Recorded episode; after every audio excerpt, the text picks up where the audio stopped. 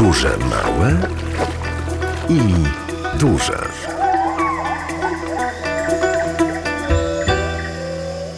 Dziś w naszych podróżach radiowych, małych i dużych, będziemy podziwiać chociażby żeliwne krzyże z tatrzańskiego żelaza, skały z Tatr, haki i liny taternickie, a także blachy taterników tatrzańskich i inne atrybuty osób spoczywających na pęksowym brzysku. Poznamy dzisiaj, zwiedzając jeden z najpiękniejszych cmentarzy w Polsce. Jak będzie opowiadał nasz przewodnik, piewca Zakopanego Maciej Pinkwart. Jest to może najmniej smutny z polskich cmentarzy, choćby dlatego, że znaczna część osób, których tam odwiedzamy, no w zasadzie w naszym przekonaniu nie umarła, żyje w swoich dziełach i właściwie odwiedzamy autorów tych dzieł, a nie jakichś tam nieboszczyków. No, dodajmy jeszcze do tego, że jest to jeden z najpiękniejszych cmentarzy w Polsce, nie tylko co do położenia, ale także co do wyglądu, jako że jest tam mnóstwo dzieł sztuki i mnóstwo drzew, a teraz, w taką piękną jesień, to naprawdę jedno z piękniejszych miejsc w Polsce. Ja wiem, że i wiem, że to naprawdę piękne zaproszenie do tego spaceru po cmentarzu na Pęksowym Brzysku, a nawet do odwiedzin właśnie Zakopanego w tej otulinie jesiennej. Ale zanim, drodzy Państwo, będziemy wędrować po Zakopanem, to na początek oczywiście Lublin. Pozwolą Państwo, że jeśli chodzi o Radio Lublin, przedstawimy naszą ekipę. Jarosław Gołofit ten program zrealizuje, a sprzed mikrofonu kłania się Magdalena Lipiec-Jaremek. I zanim cmentarz na Pęksowym Brzysku, na początek Lublin i Lubelski Atlas Historyczny Magdalena Grydniewska. Lubelski Atlas Historyczny. Kiedy mamy ogólnoświatowy kryzys energetyczny, wydawałoby się, że taki pomnik węgla świadczy o minionych czasach, a jednak, jednak z tym węglem cały czas żyjemy. Open City w Lublinie. Dzisiaj o pomniku węgla. W skwerze Giedroycia przy klasztorze Dominikanów. Jesteśmy tutaj z Miejskim Konserwatorem Zabytków Hubertem Mącikiem, przedstawicielem Stowarzyszenia Architektów Polskich Bartłomiejem Kłaszuchowskim i dyrektorem rozdroży Piotrem Franaszkiem. To jest praca Grzegorza Klamana, Carbon Monument. Grzegorz Klaman, współczesny artysta wizualny, profesor Akademii Sztuk Pięknych w Gdańsku. No, znany z takich monumentalnych, często stalowych obiektów, jak na przykład Bramy Wolności, które w Gdańsku przed Centrum Solidarności stanęły. Tu mamy taką ogromną stalową klatkę, a w tej klatce zamknięty jest węgiel. Ten węgiel rozpycha trochę te stalowe siatki. Mówi o tym, że cała nasza współczesna gospodarka od 200 lat na tym węglu stoi. Po tekście możemy też zastanowić się, co dalej, dlaczego od tych 200 lat ten taki bardzo klasyczny, brudny węgiel wciąż nas uzależnia i determinuje. Ten węgiel tutaj różnie był przez artystę rozważany, miał podpierać być może jeden z tych domów obok, mówiąc o tym, że dosłownie podpieramy, czy tym węglem stoimy. Czyli to jest w tym roku wymyślona praca. Tak, to jest w tym, zbudowana mhm. specjalnie na festiwal Open City, wymyślona w tym roku, choć jeszcze zanim ten taki kryzys węglowy się pojawił, aczkolwiek no, wpisała się tym samym w tą debatę o surowiec, o węgiel, o przyszłość energetyki. Sama forma obelisku jest na pewno tutaj czytelnym nawiązaniem do tej tradycji najważniejszych form pomnikowych, najbardziej widocznych przestrzeni a to, że leży, w jakimś sensie być może też jest nawiązaniem do tego właśnie, że ta rola węgla mimo wszystko odchodzi. Jakbyśmy na to nie patrzyli, ten pomnik ma formę przewrotną w pewnym sensie. A to jest wysokiej klasy węgiel, czy taki raczej To jest niskiej klasy węgiel. Artysta chciał mieć trochę lepszy i większy, no ale w tych czasach nie udało się mu pozyskać, co też może jest jakimś tutaj znakiem e, chwili. To jest y, kolejny przykład takiego działania, które zachęca do wizyty w ogóle na placu Giedroycia, skąd mamy piękny y, widok. Ten plac wydaje mi się, że jest bardzo dobrym miejscem na taki przystanek w ciągu dnia. Ja zachęcam wszystkich na chwilę przemyśleń w tym miejscu. Ile mamy prac w tym roku? 25 obiektów, taki najbardziej pojemny festiwal z tych, które się do tej pory odbyły, 21 artystów. Polskich i nie tylko, bo mamy też gości, tutaj e, Dawid Czerny z Czech i Sofia Miller z Belgii. Dawid Czerny, praca Baby Dziecko, to jest taki monumentalny bobas, można powiedzieć, w skrócie kolokwialnie, przymocowany do kamienicy na rogu ulicy Olejnej e, i Grodzkiej. Kto dojrzy, to zobaczy, że twarz tego dziecka No, nie jest ludzką twarzą, to jest rodzaj kodu kreskowego, rodzaj kratki być może takiego mm, powielenia od jakiejś matrycy. Ten dzieciak szuka wyjścia z pomiędzy tych kamienic, pomiędzy tych dachów. Z kolei placa Sophie Miller gra w klasy w kaplicy paryskiej Bazyliki Ojców Dominikanów. Taka płyta, mm, która przypomina nam trochę rzut kościoła, trochę może bardziej klasyczny kształt gry w klasy.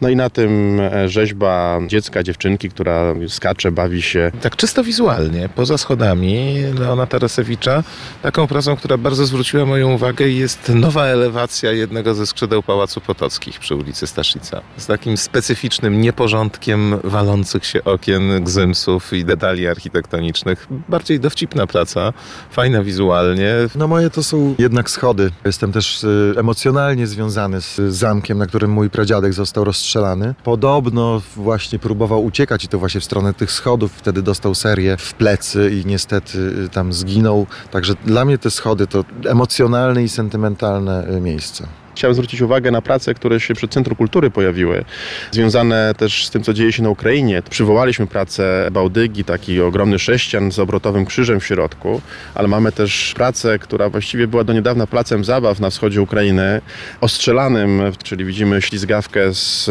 dziurami po kulach, widzimy płotek, czy taki mały samochodzik z dziurami po kulach. To są autentyczne, przywiezione elementy placu zabaw, które już w tym momencie stały się artystyczną pracą i tak zostały usankcjonowane. Mało tego, zwrócono nam na to uwagę właśnie e, rozmawiając z, z artystami z zagranicy, że coś takiego jest i warto może wkomponować w tegoroczną edycję Festiwalu Open City. No i to też są takie prace, które nas w stronę tych wydarzeń, wojny, ale też niszczenia przestrzeni, jak mówimy o formowaniu, niszczenia tkanki miasta, cierpieniu ludzkim, też zwracają uwagę na te aspekty. Open City w Lublinie co najmniej do końca października, bo być może niektóre prace e, zostaną nieco dłużej, a rozmawialiśmy o tym z dyrektorem rozdroży Piotrem Franaszkiem, a także z miejskim konserwatorem zabytków Hubertem Mącikiem i przedstawicielem Stowarzyszenia Architektów Polskich Bartłomiejem Korzuchowskim.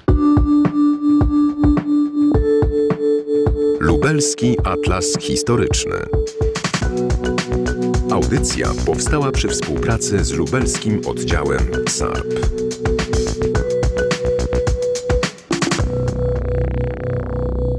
Góry w sercu. Czytaj tak naprawdę w domyśle Tatry, ale z pewnością też i całą kulturę zakopiańską, góralską i tę materialną i niematerialną z pewnością nosi w swoim sercu Maciej Pinkwart. Nasz dzisiejszy bohater, a zarazem też przewodnik, a tak naprawdę polski pisarz, doktor nauk humanistycznych, autor kilkunastu przewodników turystycznych po Zakopanem, jak również Paryżu, Słowacji, Francji, Grecji, więc czujemy, że jeśli chodzi o nasz temat podróże małe i duże, jeszcze nie raz być może będziemy mieli szansę spotkać się z panem Maciejem właśnie na antenie. Autor książek biograficznych, powieści i tomów poezji, dziennikarz radiowy i prasowy, ale także dokumentalista, kierownik Muzeum Karola Szymanowskiego w Willi Atma, a także historyk Zakopanego, organizator życia muzycznego w Zakopanem, wykładowca i nauczyciel, rzeczywiście ten człowiek, który Zakopane ukochał i stąd też dzisiaj nasza wędrówka po cmentarzu na Pęksowym Brzysku. Swoją drogą jestem ciekawa, czy państwo tutaj mieszkają mieszkańcy regionu lubelskiego, być może sięgając gdzieś tam w pamięci do ostatnich wycieczek po Zakopanem, czy też po samych Tatrach w tego, podczas tegorocznych wakacji, zapamiętali sobie skąd tak naprawdę wzięła się ta nazwa, co ona oznacza. Oczywiście można się z nami skontaktować pisząc do nas podróżemałpka.radio.lublin.pl, ale również telefonując 81 743 7383 801 50 10 22, jak zawsze kontakt z naszą redakcją. Proszę nam wytłumaczyć to sformułowanie cmentarz na Pęksowym Brzysku. Co to tak naprawdę oznacza? Przypominając sobie odrobinę gwary góralskiej. Ale rozpoczynając tę wędrówkę po tym, jak powiedział pan Maciej, najpiękniejszy jednym z najpiękniejszych cmentarzy w Polsce. Obierzmy sobie, jak na prawdziwych turystów przystało, kierunek zwiedzania. To jest w ogóle mały cmentarz, jak na, jak na nasze przyzwyczajenia tych, którzy odwiedzają czy krakowski cmentarz rakowicki, czy, czy warszawskie Powązki, czy paryski Père Lachaise, to y, rzeczywiście jest to cmentarz miniaturowy, ale on teraz taki jest, kiedyś był większy. W czasach okupacji zmniejszono jego powierzchnię, odcinając i likwidując cmentarz na odcinku pomiędzy dzisiejszym wschodnim krańcem a potokiem Młyniska. Natomiast no, czego nie pominąć? To, to właściwie cmentarz, w którym mm, jak się chce, to się nie pominie niczego. Tam jest tylko jedna alejka.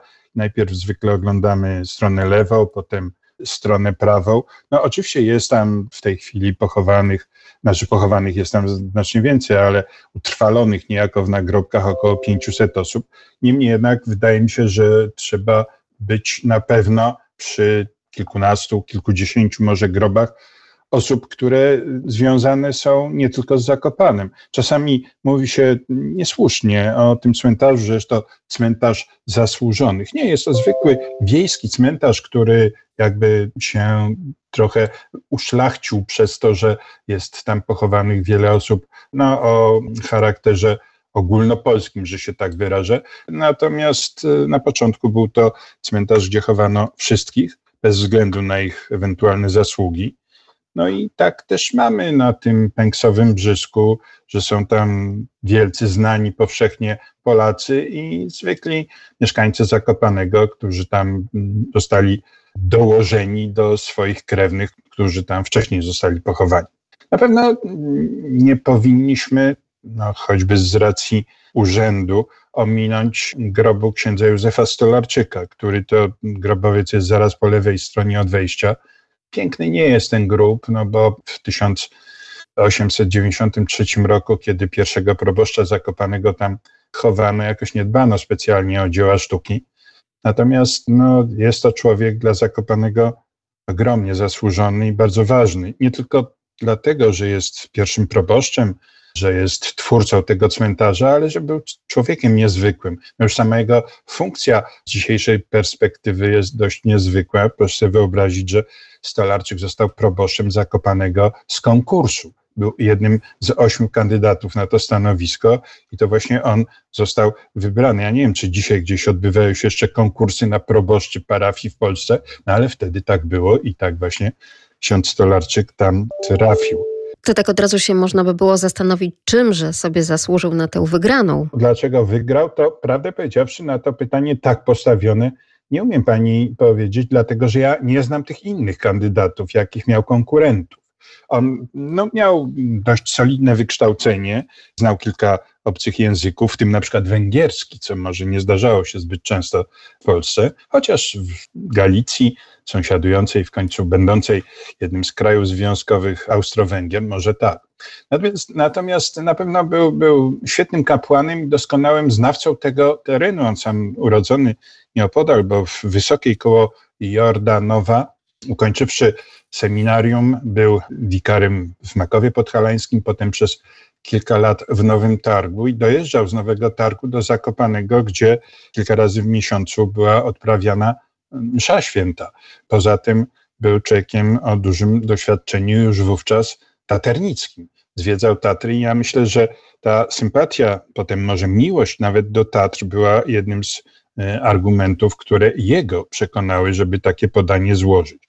Czym kierowała się Klementyna Homolaczowa, która była kolatorką kościoła parafii zakopiańskiej, żeby jego wybrać? Tego, prawdę powiedziawszy, nie wiem. Natomiast wiem, że trudno byłoby o lepszy wybór. Ksiądz Stolarczyk był w dziejach Zakopanego może jednym z nielicznych mm, właściwych ludzi na właściwym miejscu. Proszę sobie wyobrazić tę postać prawie dwa metry wzrostu, siła fizyczna stosowna do, do tego wzrostu, może jeszcze dodatkowo pewnego rodzaju rubaszność i bezpośredniość. Może z dzisiejszej perspektywy oglądany ksiądz Stolarczyk, no, pewno gdyby był teraz konkurs na proboszcza parafii w Zakopanem, pewno by nie wygrał.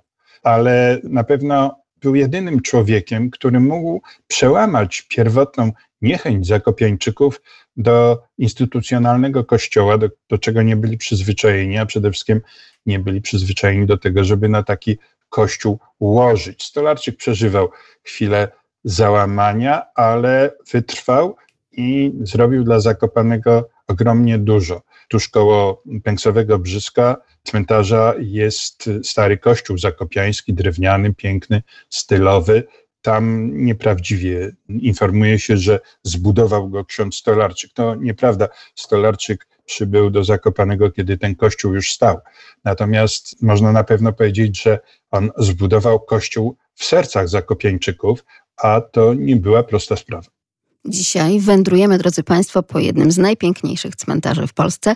Cmentarz na Pęksowym Brzysku w Zakopanem, nazywany też oczywiście Starym Cmentarzem, ale ta nazwa zwyczajowa, cmentarz na Pęksowym Brzysku, cóż tak naprawdę oznacza i czy my tutaj, lubelanie, wiemy tak naprawdę, co to znaczy. Dzień dobry Pani Alino. Dzień dobry. Kłaniamy się pięknie w niedzielę podczas podróży małych i dużych. Mamy tylko prośbę, aby pani na chwilę naszej rozmowy przyciszyła radioodbiornik. To bez takiego echa, niczym prosto z Tatr, będziemy sobie rozmawiać. Pani Alino, cmentarz na Pęksowym Brzysku. Skąd taka nazwa?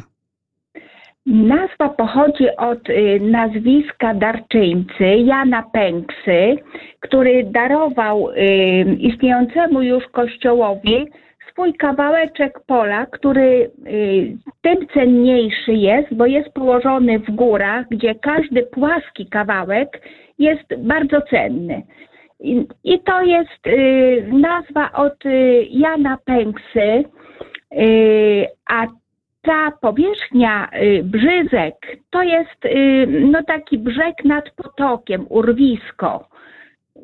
I stąd ta nazwa cmentarza na, na Pęksowym Brzysku. Bardzo pięknie nam to pani tutaj wytłumaczyła, ale też niemalże namalowała słowami. To znaczy, że pani była na tym cmentarzu? Byłam. Bywam w Zakopanym bardzo często. A dlaczego też gdzieś te kroki również i tam pani kieruje? Dlaczego to jest tak ważne miejsce?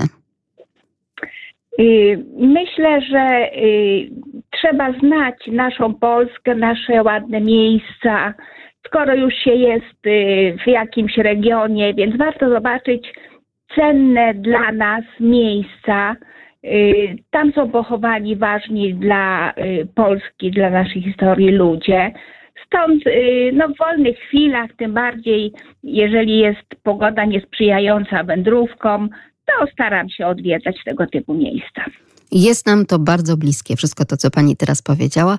My całkiem podobnie tutaj w redakcji postępujemy i wierzę, że z nami także rzesze innych radiosłuchaczy. W takim razie do zobaczenia gdzieś na szlaku. Czy to w Tatrach, czy to także na tych szlakach związanych z kulturą i zabytkami. Dziękuję bardzo Pani Alino, dobrej niedzieli życzymy. I jeszcze oczywiście oddajmy głos Panu Maciejowi Pinkwartowi. Drodzy Państwo, jak to jest i jak było z tym cmentarzem na Pęksowym Brzysku? Brzyzek to brzeżek, czyli taki stromy brzeg nad potokiem. Rzeczywiście cmentarz położony jest dość wysoko nad, nad potokiem Cicha Woda.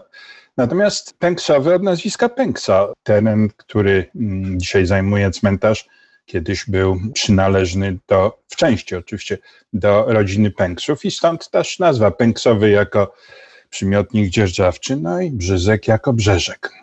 Okazuje się, że Państwo się zgadzają i nasz przewodnik po cmentarzu na Pęksowym Brzysku, pan Maciej Pinkwart, a także pani Alina Schełma, nasza radiosłuchaczka. Zgadzają się Państwo także w jeszcze jednej kwestii, że tak, warto odwiedzić ten cmentarz, e, warto pochylić się tam nad nagrobkami, chociażby tych, którzy są zasłużeni dla całej naszej polskiej kultury. Jest takie miejsce na tym cmentarzu, dwa właściwie takie, które ja, gdy tam kogoś oprowadzam, czy mówię o tym cmentarzu, zawsze się zatrzymuję, dlatego że jest to no, z punktu widzenia właśnie tego, co powiedziałem na początku, tej takiej niesmutności Pęksowego Brzyska, miejsce dość znaczące. Jedno nazywam takim stanowiskiem Związku Literatów Polskich. Rzeczywiście, Związek Literatów Polskich właśnie tam na cmentarzu na Pęksowym Brzysku, czyli miejsce, gdzie w pobliżu siebie spoczywają bardzo ważne osobistości literatury polskiej. Ja Państwa proszę o wymienienie chociażby trzech ważnych nazwisk. Czy Państwo je kojarzą, pamiętają? 801 50 10 22, a także 81 743 7383. Oczywiście poza literatami także artyści plastycy. Tuż obok tego, w cudzysłowie, Związku Literatów mamy coś w rodzaju y, Stowarzyszenia Plastyków, bo tuż obok siebie, po sąsiedzku, są groby Karola Stryjeńskiego, Antoniego Rząsa, Antoniego Kenara, Władysława Hasiora, rzeźbiarza Zygmunta Piekacza, tkaczki artystycznej Marii Łomnickiej Bujakowej i zaplątana wśród nich przepiękna mogiła lekarki Katarzyny Łaniewskiej. Wszystkie te wymienione groby są prawdziwymi dziełami sztuki, bardzo pięknymi i dodam z punktu widzenia może dzisiejszej praktyki, świetnie wypadającymi na fotografiach.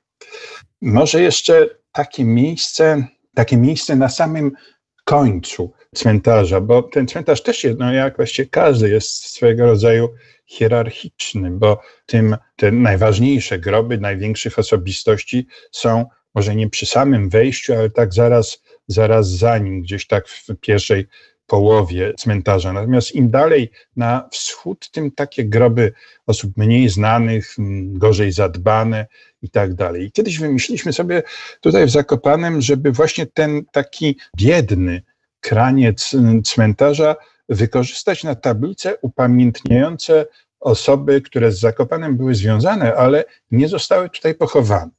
I jako pierwsza taka tablica została umieszczona w 2007 roku tablica Karola Szymanowskiego. Osoba bardzo z Zakopanem związana, no ale pochowana w Krakowie. Potem tablica dwa lata później Mieczysława Karłowicza, też wielki muzyk.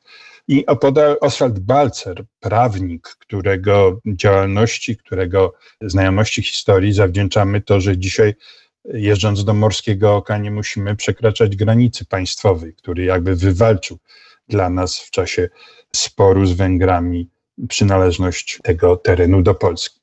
Ja sobie tak myślałem i, i, i postulowałem to wielokrotnie do władz Zakopanego, żeby właśnie te wewnętrzne części muru cmentarnego przeznaczyć na upamiętnienie tych, którzy byli dla Zakopanego ważni, a pochowani są gdzieś indziej. To byłyby tylko osoby z najwyższej półki. Tak sobie myślałem z dziedziny muzyki. Ignacy Jan Paderewski, Wojciech Kilar, Henryk Mikołaj Górecki, literaci, no cóż, Henryk Sienkiewicz, Stefan Żeromski, Władysław Reymont, Stanisław Lem, Wisława Szymborska.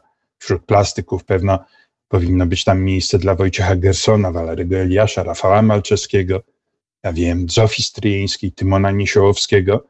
No, nie powinniśmy zapominać o naukowcach, na czele z noblistką Marią Curie-Skłodowską, antropologiem Bronisławem Malinowskim, czy, ja wiem, muzykologiem Adolfem Chybińskim. A skoro już o tych upamiętnieniach mówimy, no to fakt upamiętnienia jest też Stanisław Ignacy Witkiewicz, o którego nieudanym pochówku w 1988 roku wszyscy wiedzą, ale prawda jest taka, że nadal spoczywa on na dalekiej Ukrainie, a tutaj powinien być upamiętniony specjalną i mądrą tablicą na grobie y, matki. Takich miejsc jest rzeczywiście bardzo dużo.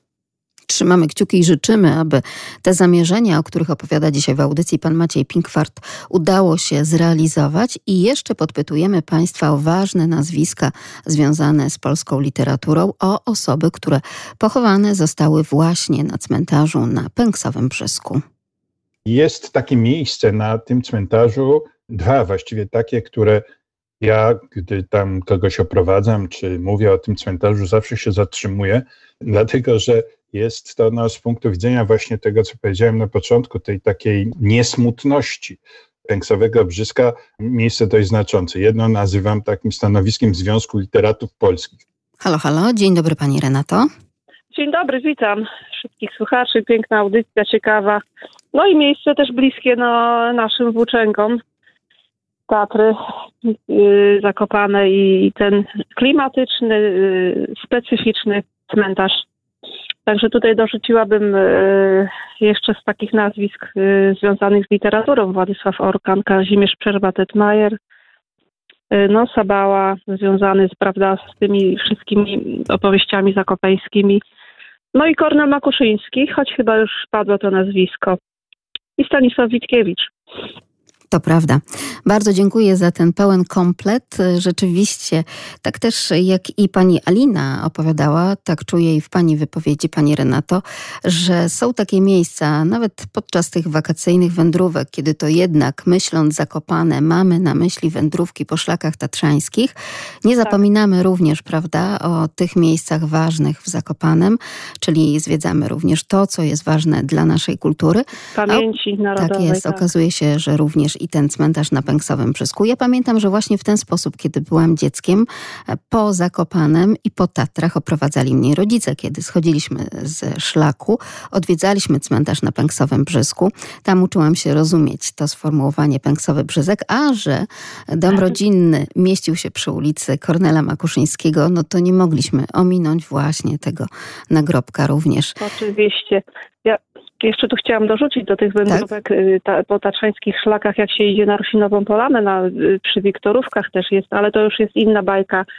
Y, Przy kościółku tym y, drewnianym właśnie są z tyłu tablice, ale to już taterników. No natomiast no, pamięć Tak, takie pamiątkowe. Będziemy też o tym mówić. Tak, o tym, czy miejsce. rzeczywiście, e, tak, na pewno takie skłaniające do zamyślenia, prawda, nad tym wszystkim, czy góry się zdobywa, czy je się przeżywa, E, to o tym też jeszcze będziemy mówili. Zresztą nasze spotkanie potrwa aż do godziny 14, więc mamy na to wszystko czas.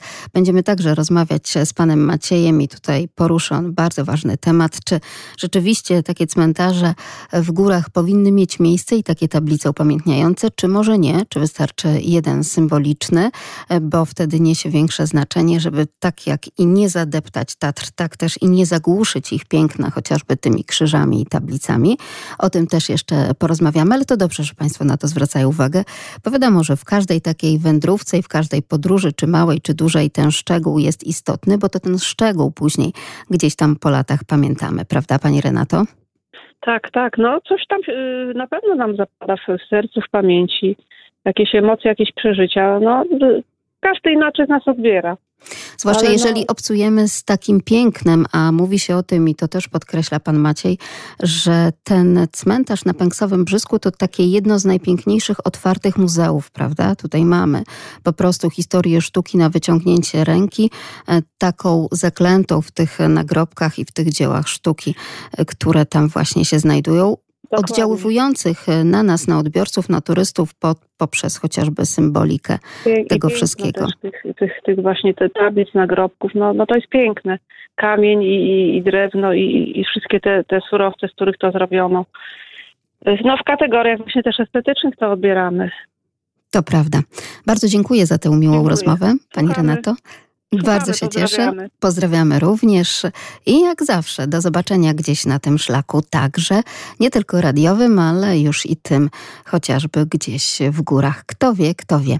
No to jeszcze wraz z naszym przewodnikiem pochylmy się nad tymi ważnymi nagrobkami literatów polskich. Jest takie miejsce na tym cmentarzu, dwa właściwie takie, które ja, gdy tam kogoś oprowadzam, czy mówię o tym cmentarzu, zawsze się zatrzymuję, dlatego że jest to no, z punktu widzenia właśnie tego, co powiedziałem na początku, tej takiej niesmutności Pęksowego Brzyska, miejsce dość znaczące. Jedno nazywam takim stanowiskiem Związku Literatów Polskich. To w odstępie kilku metrów mamy pochowanych Władysława Orkana, Kazimierza Przerwę-Tetmajera, Józefa Kapeniaka, Włodzimierza Wnuka, no i naprzeciw Kornel Makuszyński. Nieopodal e, leży też Dionizy Beck, kierownik literacki i redaktor naczelny Przeglądu Zakopiańskiego, jednego z najlepszych czasopism zakopiańskich, a na jego grobie takie niezwykłe epitafium. Jeden z tych, co czynem marzyć chcieli.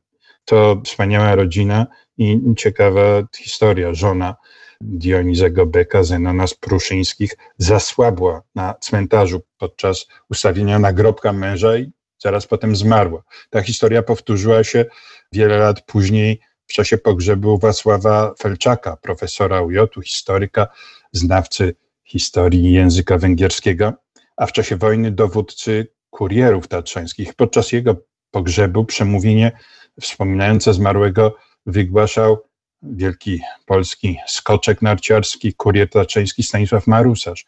Też w czasie tego pogrzebu zasłabł i zaraz potem zmarł. Bardzo ważne nazwiska padają dzisiaj w rozmowie, ale proszę sobie wyobrazić, że pan Maciej Pinkwart, autor nomen omen przewodnika właśnie po cmentarzu na Pęksowym Brzysku, przygotowując się do naszej rozmowy, zwrócił uwagę także na nazwiska, które w jakiś sposób związane są z naszym regionem lubelskim i z samym Lublinem. To bardzo miły gest, taki most łączący Lublin z Zakopanem.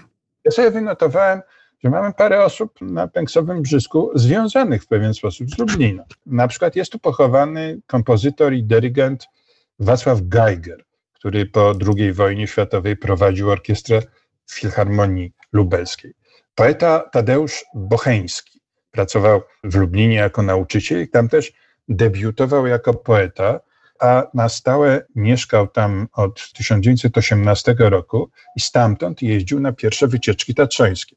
I w Lublinie ukazało się pięć jego tomików poetyckich. Ja o nim tak wspominam poniekąd z czułością, dlatego że był to człowiek, którego osobiście nie znałem, ale opowiadano mi o nim, że skwapliwie notował wszystkie swoje spotkania z publicznością i wszystkie swoje opowieści o Zakopanym. Skończył notować przy numerze 5000. Spore osiągnięcie.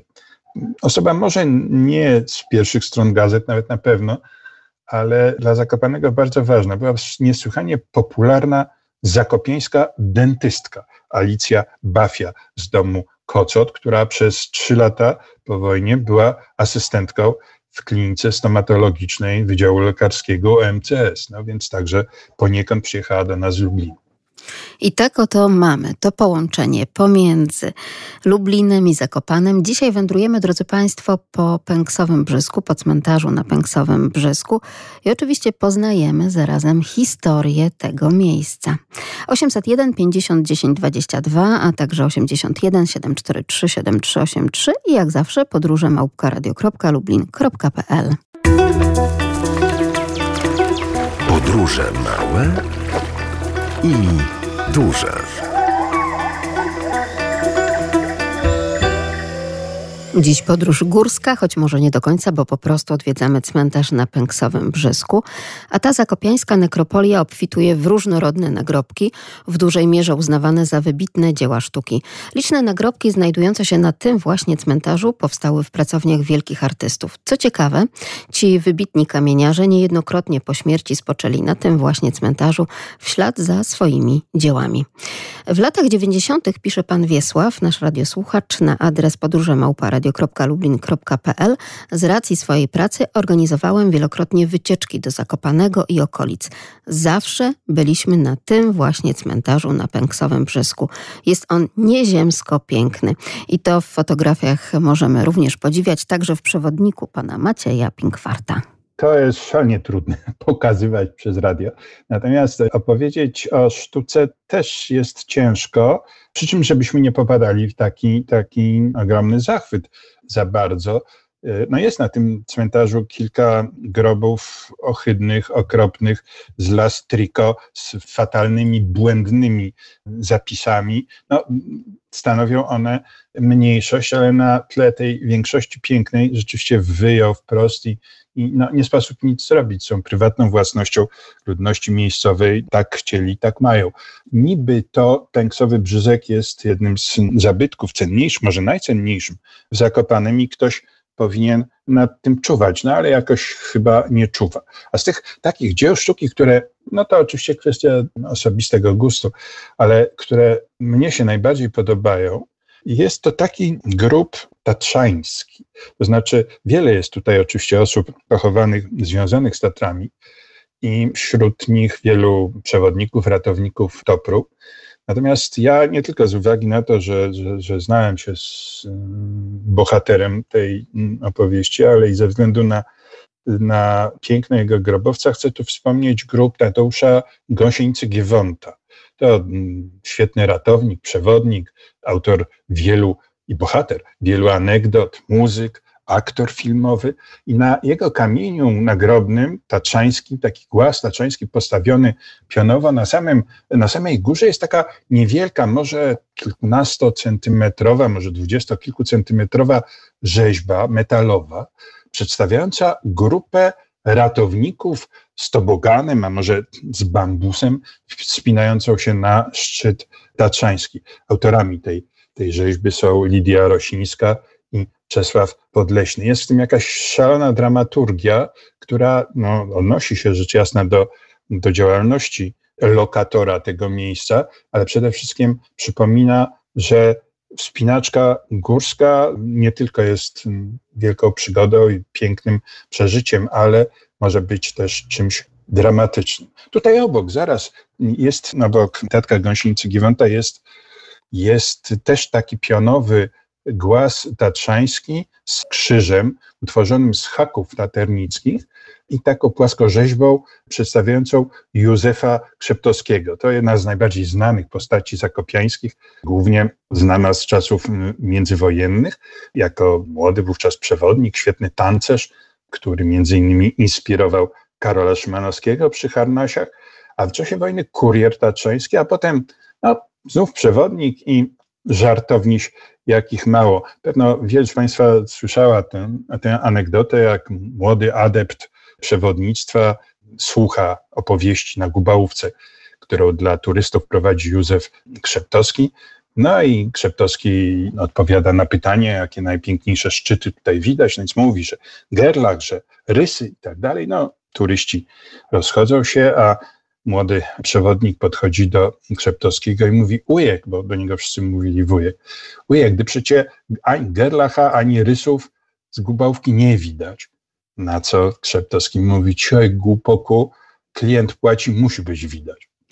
I dziwnym zbiegiem okoliczności tu, prawie tuż koło Józefa Krzeptowskiego jest mm, też tatrzańska mogiła moich wielkich nauczycieli, wybitnych taterników, naukowców Zofii Radwańskiej-Paryskiej i Witolda Paryskiego, autorów innymi wielkiej encyklopedii mm, tatrzańskiej. Paryski był surowym egzaminatorem na kursach przewodnickich i taki dowcip jak ten przypisany Krzeptowskiemu, no tam by zupełnie nie przeszedł. Natomiast jest na mm, tym cmentarzu, jeżeli wrócić do dzieł sztuki, sporo elementów takiej sztuki ludowej, które jakby mieszają się ze sztuką zupełnie nowoczesną. Wśród tej nowoczesnej ciekawy pomnik grobowy Pimka Józefa Fedorowicza, meteorologa zakopiańskiego, nazwanego też halnym wiatrem, w którego to pomnika skład wchodzi taki właśnie wiatraczek. Jak wiatr, to ten wiatraczek się obraca. A obok kilka mogił osób związanych z ludowym malarstwem na szkle. I rzeczywiście takie oryginalne szklane obrazki też tam są. Na grobie na przykład Kenara jest cały szereg świątków. No i tak mi się przypomina, że zarówno te obrazki na szkle, jak i te świątki były niejednokrotnie przedmiotem kradzieży. No, w końcu cmentarz jest miejscem, które pociąga także no, nie tylko tych, którzy chcą upamiętniać osoby, które tam są pochowane. A my spróbujmy prześledzić jeszcze te najważniejsze nazwiska osób zasłużonych dla całego naszego kraju, spoczywających na cmentarzu na Pęksowym Brzysku. Drodzy Państwo, polski lekarz, profesor patologii, ale także działacz społeczny i polityczny, filantrop, wykładowca akademicki, filozof medycyny, taternik i miłośnik przyrody, powstaniec węgierski, pisarz, jako pierwszy lekarz pochodzenia polskiego zdobył międzynarodową sławę i poważanie, niekiedy uznawany za najwybitniejszego Polaka drugiej połowy XIX wieku. O kim mowa? 801 50 10 22, także 81 743 7383. Jego pomnik, jego nazwisko właśnie także znajdziemy na Pęksowym Brzysku. Był współtwórcą Towarzystwa Tatrzańskiego, jednym z pierwszych badaczy przyrody tatrzańskiej. Na jego cześć nazwano jedną z przełęczy w głównej grani Tatr mamy tam wrota i oczywiście od jego nazwiska tutaj ta nazwa. Człowiek, który ukochał Zakopane, w dużym stopniu przyczynił się do rozwoju tej miejscowości, był jednym z prekursorów polskiego klimatolecznictwa. Jego staraniem Zakopane zyskało pod koniec XIX wieku status stacji klimatycznej jako kurort wspomagający leczenie chorób płucnych. Kto to taki? O to Państwa pytamy. No i oczywiście też śledzimy te nagrobki przewodników i ratowników górskich.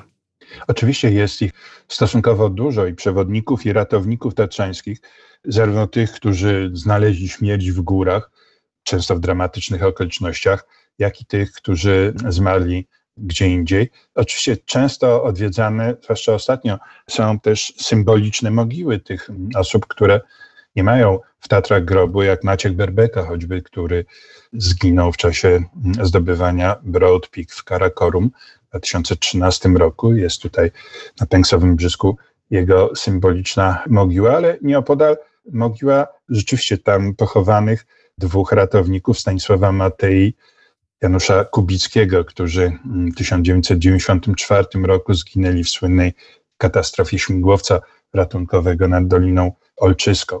No oczywiście znajdziemy tutaj bardzo skromne zresztą grobowce pierwszych przewodników, jednych z pierwszych Macieja Sieczki i Jędrzeja Wali, ale są też groby no rzeczywiście młodych ludzi, też znana historia młodych chłopców ratowników Marka Majła-Bunowicza i Bartka Olszańskiego, którzy zginęli w lawinie śnieżnej na Szpiglasowej.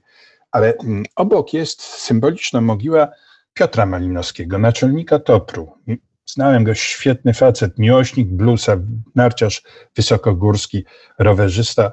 Jeden z najbardziej kolorowych, także w ubiorze ludzi, jakich znałem. Prowadziłem z nim audycje radiowe e, w dawnych czasach. On opowiadał o bluesie i o górach. To ciekawe połączenie, ale Piotrkowi to świetnie wychodziło. No i proszę sobie wyobrazić, w czasie urlopu latem któregoś roku poszedł do krakowskiego szpitala, żeby zoperować uszkodzoną łękotkę. Niewielkie uszkodzenie, niewielka operacja, łatwa i rutynowa. I tam zaraził się sepsą i w dwa dni umarł. Daleko od teatru i od spraw wysokogórskich. Myślę, że tych mm, przewodników, ratowników znaleźlibyśmy znacznie więcej, ale oni tam są jakby, no jakby to powiedzieć, są na miejscu u siebie. U siebie tak jak mówi pan Maciej Pinkwart, właśnie tam, na Pęksowym Brzysku jest także ta postać, ta osoba, o którą teraz państwa pytam, 801 50 10 22, a także 81 743 7383. To człowiek, który przyczynił się walnie do rozwoju taternictwa, a nawet w sensie słownikowym stworzył to pojęcie taternictwo. Rozwinął także zupełnie nowy styl wędrówek po górach, uwzględniający pewną liczbę turystów przemieszczających się wraz z obszernym taborem góralskim składającym się z przewodników, tragarzy i muzykantów. Nocowano wtedy przeważnie w przygodnych miejscach, w wyższych partiach dolin, a wieczory upływały na pogadankach, muzyce i tańcach przy ognisku. Wszystkie takie dłuższe wyprawy profesora odbywały się właśnie w takiej formule. Ich celem było nie tylko doznanie estetyczne i sportowe, lecz także badanie zjawisk przyrodniczych, poprawa zdrowia uczestników takiej wyprawy, a także kształcenie nowych przewodników. Wycieczki prowadzili tacy znawcy teatru, jak chociażby Szymon Tatar Starszy, Maciej Sieczka, ale także właśnie ten człowiek, o którego Państwa teraz pytamy. I oczywiście podczas takich wędrówek, i stąd też znamy te historie z tych wędrówek, był także Sabała. 801 50 10 22, także 81 743 7383. Ważne imię i nazwisko dla samego Zakopanego i oczywiście samych Tatr. Nazywany był królem Tatr, bo był on prawdopodobnie na wszystkich szczytach i przełęczach tatrzańskich, na które wówczas znane były drogi. Uzyskał także kilka pierwszych wejść na te szczyty. Dzień dobry, panie Marianie. Dzień dobry, witam serdecznie. Człowiek, o, o którym rozmawiamy, kolejna osoba z Tatr, wędrująca po tych szlakach, to chyba Tytus Chałubiński. Oczywiście, że tak. Wszystko się zgadza. Czy pan, panie Marianie, także gdzieś kiedyś z tego naszego pięknego roztocza wędrował po tatrzańskich szlakach i także był na cmentarzu na Pęksowym? Wędrowaliśmy wiele razy po szlakach. Murowaniec, inne szlaki.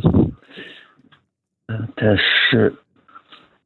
e, i na Pęksowym Wzgórzu też miałem okazję przebywać, bo to wychodzę z założenia, że zawsze warto i trzeba odwiedzić y, cmentarz, bo wiele historii tam można zobaczyć, spotkać, zapoznać się, tak jak dzisiaj Zwierzyniec czy Sochy. To jest taki okres, że tym bardziej warto i trzeba. To prawda. Ja pamiętam, że kiedy zaczynałam swoją przygodę z dziennikarstwem, kiedy jeszcze miały miejsce takie rozmowy pomiędzy mistrzem rzemiosła a uczniem, to usłyszałam od wspaniałej pani redaktor, pani redaktor Marii Brzezińskiej, że jeżeli chcesz być dobrym dziennikarzem i chcesz dobrze poznać miejsce, o którym chcesz mówić, to na początek idź właśnie na cmentarz, bo cmentarz bardzo dużo ci powie. No i rzeczywiście chyba coś w tym jest, prawda? miejsce i, i, ludzi z tego, z tej okolicy, z tego miasta, z tej wsi, to tam jest zapisana historia. A jak się wczytamy w to epitafia na nagrobkach, to no jest takie bogactwo, e, które trudno ocenić, z którego chyba jeszcze wiele, wiele będziemy czytać, żeby to wszystko zrozumieć. Napisał pan dzisiaj do nas, panie Marianie, w tym liście do redakcji. Ja tylko przypomnę, że podróże małpka.radio.lublin.pl, że ciągle znowu z tego naszego przepięknego roztocza przesyła pan kilka nagrobków na fotografiach, nagrobków osób, które w różnych latach tragicznie zginęły za wolność naszej ojczyzny. I tutaj warto wymienić chociażby Eugeniusza Stelmasza, majora Kalinę, majora Skałę, e, z nazwiskiem Markiewicz związani, grupę żołnierzy tak. AK, którzy zginęli w okolicach Zwierzyńca, rodzina Kozyrów. Ogromny ból przeżywam, czytając po raz kolejny te nazwiska osób dorosłych i kilkuletnich dzieci, którzy zostali bestialsko zamordowani podczas pacyfikacji chociażby wsi Sochy. Rzeczywiście to jest taki czas zamyślenia, ale też, tak jak podkreśla nasz rozmówca, pan Maciej Pinkwart, no warto, warto poświęcić tę chwilę, przebywając w różnych częściach naszego pięknego kraju, po to, żeby poznawać również i tę historię, i te osoby, ich biografie, także i te ważne epitafie. A czy jakieś epitafium tak szczególnie Pana wspomina teraz, w tym czasie, Panie Marianie? No tak, tak myślę, ale, ale w tej chwili trudno mi mi coś, coś takiego tam sobie Dobrze, to dajmy sobie chwilkę na, na takie zastanowienie się. Ja no. byłam e, o dziwo zaskoczona, chociaż z drugiej strony troszeczkę nasz przewodnik, pan Maciej Pinkwart, tutaj nam mhm. uzmysławia, że więcej jest symboliki na e, pęksowym brzysku, takiej poprzez chociażby dany kamień, czy atrybuty osoby, która spoczywa w danym miejscu przy tym nagrobku, niż samych słów. Tych epitafiów wcale tak wiele nie ma, jeśli chodzi o pęksowy Natomiast rzeczywiście po prostu przemawiają te nagrobki do nas. I tak to też jest chyba dobrze i dobrze, że w ten sposób możemy także i tę historię poznawać. Bardzo dziękuję Panie Marianie za rozmowę. Dziękuję, dziękuję bardzo, miło mi było. Do widzenia i Do widzenia i do zobaczenia. A propos no. gór, to także na Bukowej Górze, bo też teraz w czasie tej jesieni musi przepięknie wyglądać. Wszystkiego dobrego. Dziękuję bardzo. A my powracamy właśnie na Pęksowy Brzyzek, no i stajemy przed tym pomnikiem Tytusa Chałubińskiego. Chałubiński właściwie został pochowany jako pierwsza taka znacząca osoba spoza Zakopanego, która na Pęksowym Brzysku została pochowana. Nie jest to oczywiście pierwsza osoba spoza Zakopanego, no bo pamiętajmy, że Zakopane pod koniec XIX wieku było uzdrowiskiem, gdzie przybywało wiele osób leczących się na gruźlicę, no i wiadomo, no nie wszystkim klimat zakopiański pomagał i część z nich zostawała na Pęksowym Brzysku. Były też wypadki górskie i ich ofiary były tutaj chowane. Ale Tytus Chałubiński, który zmarł w 1889 roku, został tutaj pochowany na jego własne życzenie. On zresztą mieszkał kilka ostatnich lat na stałe w Zakopanem. Jego pogrzeb był naprawdę ogromną manifestacją, nie tylko dlatego, że był osobą powszechnie znaną w Polsce z rozmaitych zresztą powodów, nie tylko lekarskich i nie tylko zakopiańskich, ale w Zakopanem cieszył się ogromnym szacunkiem i wielką sympatią. Mamy sporo opisów tej ceremonii. Rzeczywiście było to wielkie wydarzenie w dziejach Zakopanego. Natomiast grobowiec mm, no, ma niepiękny. Przez długi czas w ogóle nie miał, nie miał nagrobka i była to zwykła taka sobie ziemna mogiła i, i wiele osób krytykowało ten stan rzeczy. W końcu wystawiono mu taki nagrobek, taki no właściwie pomnik prawie, dość brzydki, niestylowy, no ale za to duży. I tak go mamy do dzisiejszego dnia. Drodzy Państwo, byli literaci, był oczywiście Tytus Chałubiński, byli artyści, plastycy. Do tego panteonu dodajmy jeszcze wielkie nazwiska sportowców. Sportowcy na pęksowym brzysku, no to oczywiście przede wszystkim narciarze, no i tutaj wspomniany już tutaj Stanisław Marusarz, który ma mogiłę niedaleko wejścia po mm, prawej y, stronie. Tam też pochowana jest no, się symboliczny grób ma jego siostra Helena Marusarzówna. Natomiast ja no, wśród tych wielu osób zajmujących się sportem no, chciałbym wymienić człowieka, który był zarazem sportowcem i poetą narciarzem, trenerem narciarskim, ale przede wszystkim świetnym pisarzem. Tomasz Gluziński, miłośnik muzyki, jeden ze współzałożycieli Towarzystwa Muzycznego imienia Karola Szymanowskiego.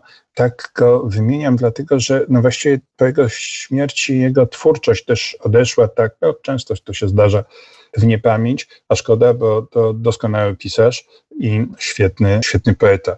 Skoro już mówimy o poetach i ludziach wielu specjalności, to chyba nie możemy zapomnieć o rodzinie Witkiewiczów. No bo w końcu Stanisław Witkiewicz, ojciec, twórca stylu zakopieńskiego, w Zakopanem ma szczególne prawo bycia uhonorowanym, ale grup ma niepiękny, niespecjalnie stylowy. Obok zresztą grup ma Tytus Chałbiński i to jest zupełnie okropny grobowiec pod względem stylu. Obok nich Sabała, grup skromny, ale już stylowy. Ale wracając do tych Witkiewiczów. Stanisław Witkiewicz znajduje się po lewej stronie w głębi, natomiast trochę bliżej wejścia, po prawej stronie, jest grobowiec jego żony, Marii Witkiewiczowej. A w jeszcze trzecim miejscu, też po prawej stronie, Jadwigi Witkiewiczowej, wdowy po Witkacy. No, sam Witkacy, jak już żeśmy powiedzieli, grobów zakopanym nie ma. Dlaczego Witkiewiczowie w trzech różnych miejscach? Myślę, że kiedy zmarła matka, Stanisław Ignacy nie chciałby leżała w jednym grobie z ojcem, no z uwagi na rodzinne zaszłości, które ich jakby rozdzieliły za życia, więc Witkacy nie uważał za celowe łączyć ich po śmierci. A Jadwiga Witkiewiczowa, która zmarła poza Zakopanem, chciała być bardzo pochowana tutaj, najlepiej w grobie teścia. Stanisława Witkiewicza. No i rzeczywiście zamierzano ją tam pochować, ale była surowa zima i tablica przykrywająca grób Witkiewicza po prostu nie dała się unieść. W związku z czym Jadwigę Witkiewiczową pochowano gdzie bądź, w innym miejscu, no i tak już zostało. Tak zostało i tak jest. I dzisiaj my także oczywiście wędrujemy po tym cmentarzu na Pęksowym Brzysku, pochylając się czasami nad tablicami i próbując wyczytać te epitafia. Co do tych epitafiów, tak wiele ich nie ma, takich, które moglibyśmy uznać za jakieś cytaty z dzieł sztuki. Jeżeli są to na przykład na grobach dzieci, to dość standardowe. Nie ma zresztą grobów dzieci na Pęksowym Brzysku zbyt wiele. Przypuszczam, że one zostały w czasie redukowania powierzchni cmentarza grupki dzieci zostały zniszczone. Natomiast, no, tak jak powiedziałem, te najbardziej dla mnie przejmujące epitafium to jest właśnie u Dionizego Beka, jeden z tych, co czynem marzyć chcieli. Są mm, tego typu epitafia, między innymi właśnie na grobie wspomnianego Tomasza Gluzińskiego jest dość spory fragment jego wiersza, są też informacje o charakterze wiekopomnym, które nie odpowiadają prawdzie. Wydawałoby się, że co jak co, ale cmentarz nie powinien być miejscem dla licytacji własnych ambicji, no ale niestety są też takie miejsca. Notabene, tak mówimy czule i sympatycznie o tym cmentarzu, no i trzeba tak robić, nie tylko w przededniu Wszystkich Świętych.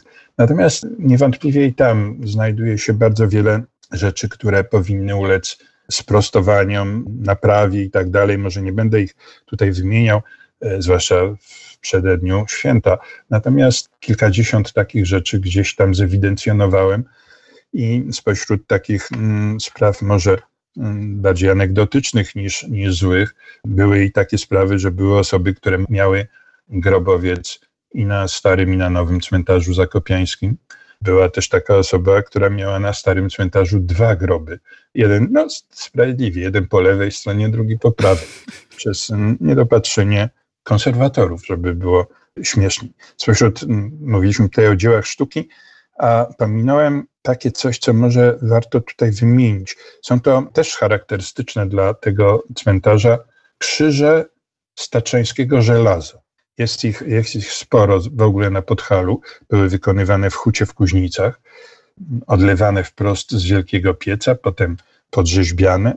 No i znajdują się na wielu grobach i tu też no, zagadka dla zwiedzających, jakim cudem krzyże, które wykonane były w hucie, jaka przestała działać w latach 70. XIX wieku, znajdują się na grobowcach dwudziestowiecznych albo wręcz współczesnych. No, jest tutaj jakiś element targowy prawdopodobnie, gdzieś zabrano, a tutaj umieszczono. Ale prawdopodobnie tutaj pęksowy brzyzek nie jest jakimś specjalnie wyjątkowym miejscem, bywa tak pewno gdzie indziej również.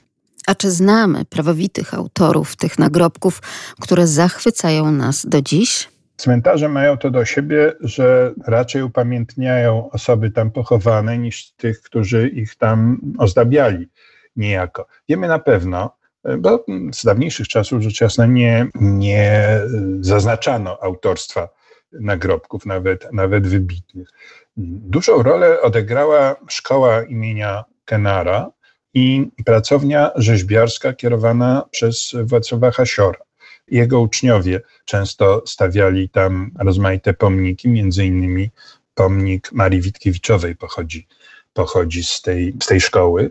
Natomiast ze współczesnych rzeźbiarzy właściwie prawie każdy pojawia tam się z jakimś swoim dziełem i wydaje mi się, że teraz wymienianie jakichkolwiek nazwisk byłoby nie fair, bo ja na pewno wszystkich nie pamiętam, a ktoś, kto y, tam przyczynił się do piękna tego cmentarza, może się trochę obrazić. Natomiast na pewno musimy pamiętać zarówno o rodzinie Szostaków, gąsieńców Szostaków, to trzypokoleniowa rodzina, której najstarszy przedstawiciel jest y, pochowany na Pęksowym Brzysku, rzeźbiarze świetni, których dzieła w różnych miejscach tam y, się znajdują. To sam Władysław Hasior i Antoni Rząsa. Myślę, że tyle. Co ciekawe, łatwiej nam byłoby znaleźć autorów cmentarnych dzieł sztuki na nowym cmentarzu zakopiańskim, tym, który znajduje się przy ulicy Nowotarskiej i istnieje od 1908 roku, niż na Pęksowym Brzysku, bo tutaj rzeczywiście jest tego wiele i w bardzo rozmaitym stylu.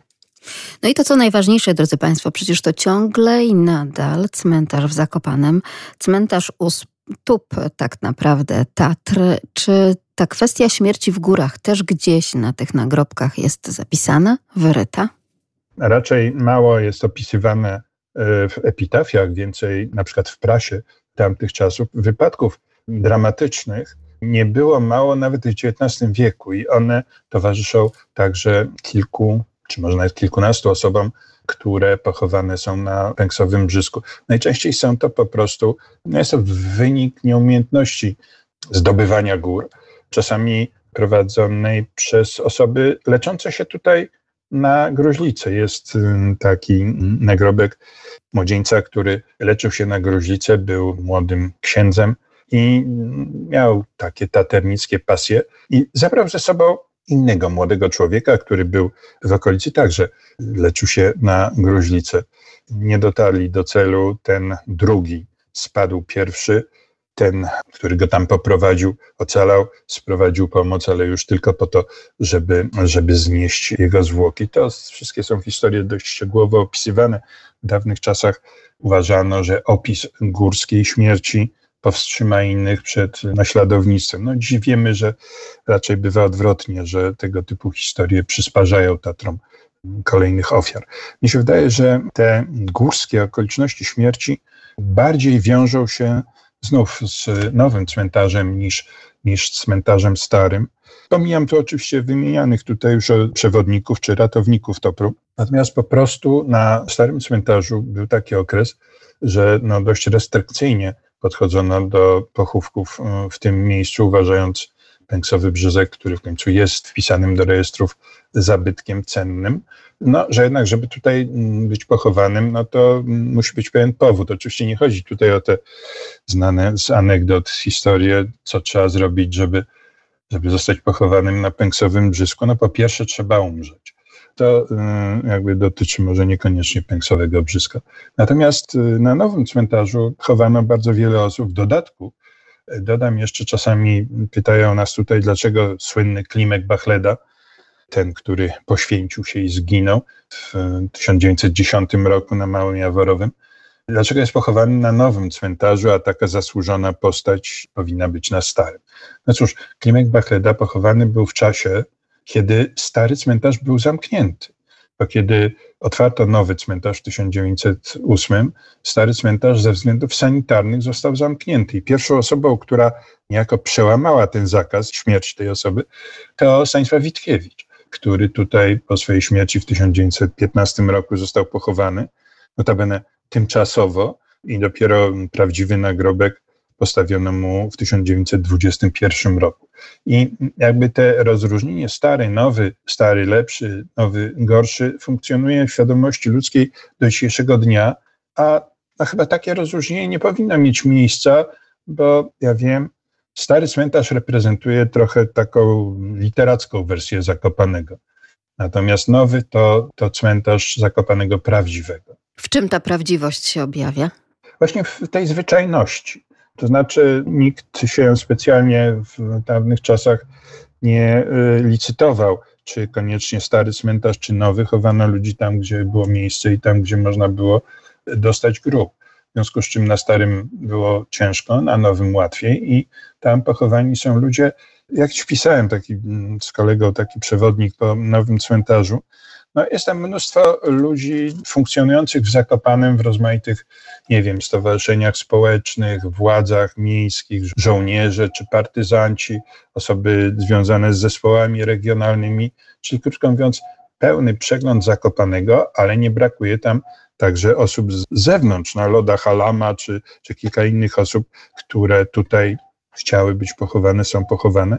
I wydaje mi się, że kiedy jesteśmy w Zakopanem, w okolicy Wszystkich Świętych, warto poświęcić trochę czasu, żeby pójść też na ten drugi cmentarz, tym bardziej, że oba leżą obok siebie niedaleko, można połączyć turystykę cmentarną w obydwu tych miejscach. To bardzo cenna wskazówka, to dobry trop dla każdego turysty, także tutaj z naszego regionu lubelskiego. Zapamiętamy sobie, żeby nie tylko i wyłącznie ten tak zwany stary cmentarz w Zakopanem, czyli cmentarz na Pęksowym Brzysku, ale także i ten nowy cmentarz, o którym mówi nasz gość, pan Maciej Pinkwart. Dziękujemy za tę historię, za te opowieści i koniecznie jeszcze musimy zapytać o te tablice pamięci, które gdzieś jako turyści przemierzający szlaki tatrzańskie spotykamy. Czy czytamy je, no i tak się zastanawiamy, prawda? Jaka historia tutaj w tych górach akurat została zapisana? I czy to jest duża wartość, że te krzyże, te miejsca pamięci właśnie na szlakach górskich są, czy może jednak powinno być zupełnie inaczej? Na szczęście w pewnym momencie Towarzystwo Tatrzańskie, Polskie Towarzystwo Tatrzańskie zabroniło umieszczania tego typu tablic, słusznie argumentując, że po pewnym czasie właściwie całe Tatry mogłyby się składać z tablic pamiątkowych poświęconych osobom, które tam zginęły. Stąd też narodziła się koncepcja stworzenia symbolicznego cmentarza ofiar Tatr i pierwsi zrobili to Słowacy na cmentarzu pod Osterwą, gdzie nie ma nagrobków, tylko właśnie tablice upamiętniające. Często właśnie znalezione czy tam wygrzebane gdzieś w Tatrach i przeniesione tam właśnie. Potem, rzecz jasna, taternicy, himalaiści, nie tylko ci, którzy ginęli w Tatrach, byli pod Osterwą upamiętniani. Po polskiej stronie takie upamiętnienie ofiar Tatr znajduje się w dwóch miejscach, w dwóch kościołach. Jeden to jest kościół na Wiktorówkach, kościół pod wezwaniem Matki Bożej Jaworzyńskiej, a drugi to jest kościół Świętego Krzyża w Zakopanem przy ulicy Zamojskiego. Warto wspomnieć te tablice po polskiej stronie, które istnieją do dnia dzisiejszego. Pierwsze to właściwie pomnik postawiony staraniem Mariusza Zaruskiego w miejscu, gdzie odnalezione zostały zwłoki Mieczysława Karłowicza pod Małym Kościelcem. Jest to kamień tatrzański, umieszczony jakoby w miejscu, gdzie Zaruski zaznaczył to mm, miejsce, gdzie znaleziono zwłoki Karłowicza, wbijając w śnieg gałązkę jarzębiny, która wiosną zazieleniła się i puściła, puściła liście. Myślę, że to poezja, ale pomnik taki istnieje z horacjańską dewizą non omnis moriar i ze znakiem swastyki. Czasami głupi ludzie mówią, Boże, tu jakiegoś faszystę pochowali i tak dalej. Nie, swastyka jest znacznie, znacznie starszym symbolem niż ktokolwiek myślał o, o, o, o faszyzmie, jest znakiem zdobniczym, a tutaj na Podhalu funkcjonowała jako tak zwany krzyżyk niespodziany, co zresztą ciekawie oddaje etymologię znaku swastyki, która po prostu jest wariantem znaku krzyża. Tym znakiem Karłowicz znaczył szlaki w Tatrach, które jakby przygotowywał dla następnych po nim turystów. Natomiast po drugiej stronie niejako grzbietu tatrzańskiego okalającego halę gąsienicową jest tablica Bronikowskiego, jednej z ofiar południowej ściany zamarłej Turni. Warto, będąc w Dolinie Pięciu Stawów, ją zauważyć i przy okazji popatrzeć na południową ścianę zamarłej Turni, która wydaje się właściwie mała i, i, i niezbyt niebezpieczna, ale jak przyjrzymy się bliżej, pionowa ściana, której pokonanie w 1910 roku stanowiło przełom w historii taternictwa, no, warto po prostu nie mm, spieszyć się za bardzo z pokonywaniem Tatr, bo Tatry nie dadzą się pokonać, Tatry nie dadzą się zdobyć. Można też powiedzieć, że Tatry nie dadzą się na pewno zaliczyć. Tatry można zwiedzić, spotkać i przeżyć w nich wiele ciekawych momentów, ale ważne jest, żeby przeżyć. Jak to dobrze, że my dzisiaj mogliśmy dzięki tym opowieściom, temu słowu prosto z Zakopanego od pana doktora Macieja Pinkwarta przeżywać i to, co piękne w samym Zakopanem i w samych Tatrach. I tak jak to mówią klasycy, że wiedza wielokrotnie powtarzana utrwala się, więc utrwalmy sobie jeszcze tę najważniejszą myśl, jaką dzisiaj przekazuje nam piewca Zakopanego i kultury tatrzańskiej. Tatry nie dadzą się pokonać. Tatry nie dadzą się zdobyć. Można też powiedzieć, że Tatry nie dadzą się na pewno zaliczyć. Tatry można zwiedzić, spotkać i przeżyć w nich wiele ciekawych momentów, ale ważne jest, żeby przeżyć.